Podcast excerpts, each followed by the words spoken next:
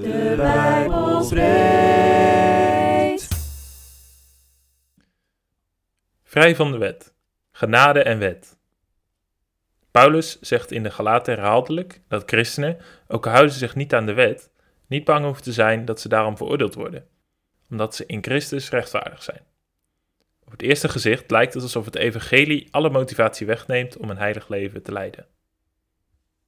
We lezen Galaten 2 vers 11 tot 21. Maar toen Kefas in Antiochië was, heb ik me openlijk tegen hem verzet, want zijn gedrag was verwerpelijk.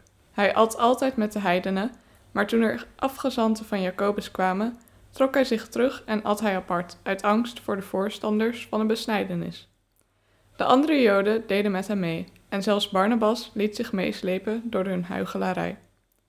Toen ik zag dat ze niet de rechte weg naar het ware evangelie bewandelden, zei ik tegen Kefas, in aanwezigheid van iedereen: Jij bent een Jood, maar je leeft als een heiden en houdt je niet aan de Joodse gebruiken.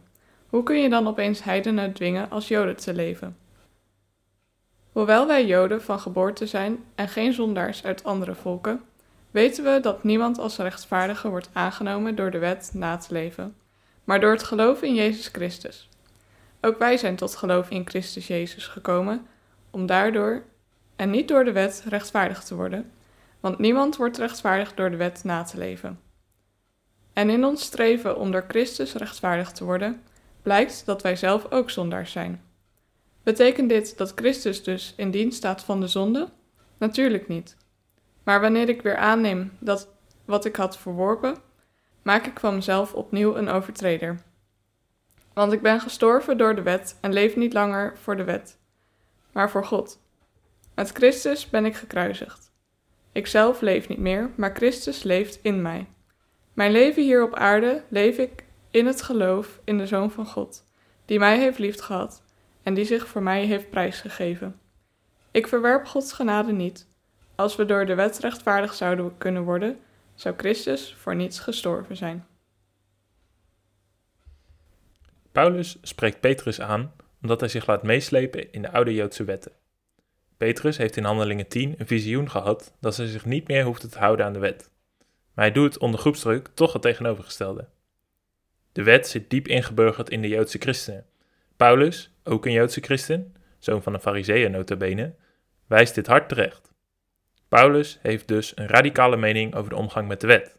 Geen mens kan gered worden door zich te houden aan de Joodse wet. Wat was dan het doel van de wet en waarom wordt het nu nog elke zondagochtend in veel kerken voorgelezen?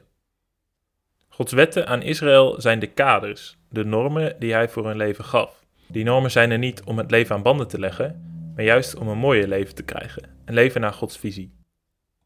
Je zou het kunnen vergelijken met dijken om een polder. De dijken zijn er om het leven mogelijk te maken. De wet overtreden is hetzelfde als de dijk doorstreken. Dan stroomt er verwoestend water of zonde naar binnen en dat ruïneert het leven en de levensmogelijkheden. In de wet wordt het karakter van God weerspiegeld. Net als God zelf is de wet daarom goed, heilig en rechtvaardig. We lezen Galaten 3, vers 1 tot en met 29. Galaten, u hebt uw verstand verloren. Wie heeft u in zijn ban gekregen?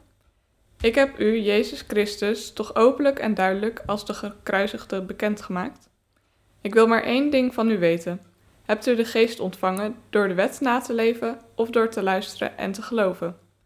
Bent u werkelijk zo dwaas weer op uw eigen kracht te vertrouwen en niet langer op de geest?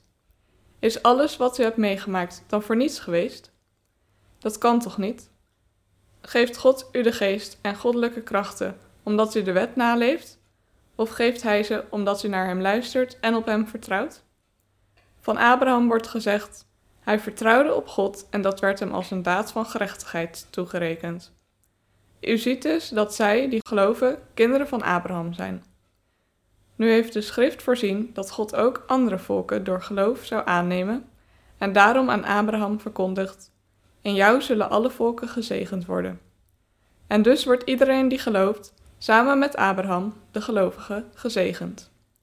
Maar iedereen die op de wet vertrouwt, is vervloekt, want er staat geschreven: Vervloekt is een ieder die niet alles doet wat het boek van de wet bepaalt.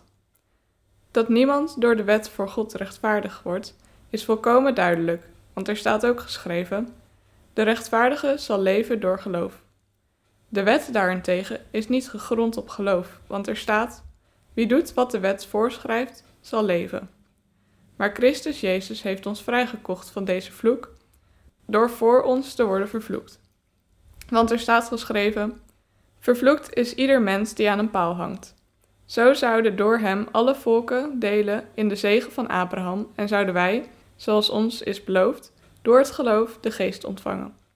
Broeders en zusters, ik geef u het voorbeeld van een rechtsgeldig testament. Een testament dat door een mens bekrachtigd is. Niemand kan zo'n testament ongeldig verklaren of er iets aan toevoegen. Nu gaf God zijn belofte aan Abraham en zijn nakomelingen. Let wel, er staat niet nakomelingen, alsof het vele betreft, maar het gaat om één, je nakomeling, en die nakomeling is Christus. Ik bedoel dit: de wet, die 430 jaar na de belofte werd gegeven, maakt het testament dat door God bekrachtigd is, niet ongeldig. De wet kan de belofte nooit ontkrachten. Immers, als de erfenis afhankelijk van de wet zou zijn, zou ze niet afhankelijk zijn van de belofte, maar het is nu juist door zijn belofte dat God zijn genade aan Abraham heeft geschonken. Waarom dan toch de wet? De wet is later ingevoerd om ons bewust te maken van de zonde, in de tijd dat de nakomeling aan wie de belofte was gedaan nog komen moest. Ze werd door engelen aan een bemiddelaar gegeven. Maar bemiddeling is niet nodig wanneer er maar één is die handelt en God handelt alleen. Is de wet daarom in strijd met Gods belofte? Absoluut niet. Als de wet leven zou kunnen brengen, zou de wet ons ook rechtvaardig kunnen maken. Maar de schrift heeft alles in de macht van de zonde gelegd, zodat de belofte kon worden gegeven op grond van geloof in Christus Jezus, aan wie op Hem vertrouwen. Voordat dit geloof kwam, werden we door de wet bewaakt. We leefden in gevangenschap tot het geloof geopenbaard zou worden. Kortom, de wet hield toezicht op ons totdat Christus kwam, zodat we door ons vertrouwen op God als rechtvaardigen konden worden aangenomen. Maar nu het geloof gekomen is, staan we niet langer onder toezicht, want door het geloof en in Christus Jezus bent u alle kinderen van God. U allen, die door de doop één met Christus bent geworden, hebt u met Christus omkleed. Er zijn geen Joden of Grieken meer, slaven of vrije, mannen of vrouwen. U bent alle één in Christus. En omdat u Christus toebehoort, bent u nakomelingen van Abraham, erfgenamen volgens de belofte. Paulus zegt in dit stukje juist dat we niet door de wet gered kunnen worden. De wet wijst ons op onze gebreken. De wet is als het ware een spiegel die ons de zonde leert kennen. Doordat de wet goed is, zien we uit contrast dat wij slecht en dus zondig zijn. Het doel van de wet is daarom ook dat het ons op onze eigen zonde wijst, om ons te realiseren dat we zondig zijn en dat we het niet alleen kunnen en dus hulp nodig hebben. Er is uiteindelijk maar één redding mogelijk: het geloof en vertrouwen in Jezus Christus en dat Hij voor onze zonde is gestorven. De wet wijst ons op onze enige redding, Jezus. Galaten is geschreven als reactie op mensen die dachten dat je je redding kunt verdienen. Daar ageert Paulus hard tegen. Je kunt het niet alleen. De enige manier is dus dat je redding ontvangt van God. Niet omdat we dit verdienen, maar uit genade. Door Gods genade zijn we niet langer onder het juk van de wet. Maar door genade ontvangen we vrijheid van zonde. We ontvangen de vrijheid om door Jezus niet meer te zondigen. De wet is dus geen last meer, omdat we vrijgemaakt zijn van de wet door genade. Toch is het gebod God liefhebben boven alles en je naaste als jezelf nog steeds belangrijk. De wet kan ons dus helpen om het goede te doen. Niet omdat we daarmee genade verdienen, maar omdat de Heilige Geest ons meer op Jezus laat lijken. En nu kunnen we naar de wet kijken door een definitie van wat dat betekent om van anderen te houden, in onze relaties met anderen, maar ook in de samenleving als geheel. Zelf weten we misschien niet altijd wat het beste is voor de andere persoon, maar God, die iedereen gemaakt heeft, weet het wel. God laat ons door zijn wet zien hoe we liefdevol met anderen moeten omgaan.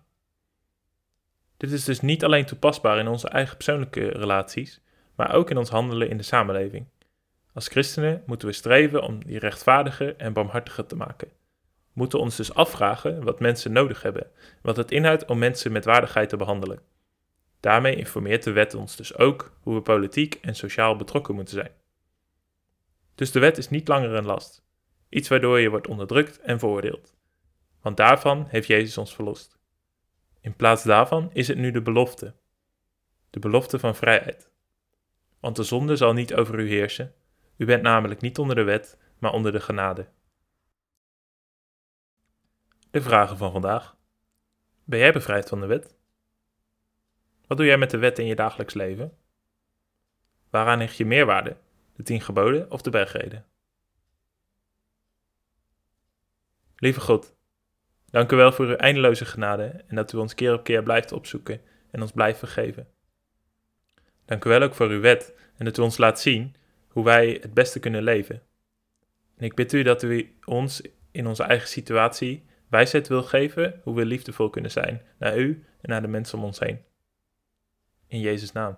Amen. Deze podcast werd mede mogelijk gemaakt door En door Nienke van Hemmen, de voorzitter van de actie. Wie dit luistert, krijgt een extra bonuspunt als je mij een appje stuurt.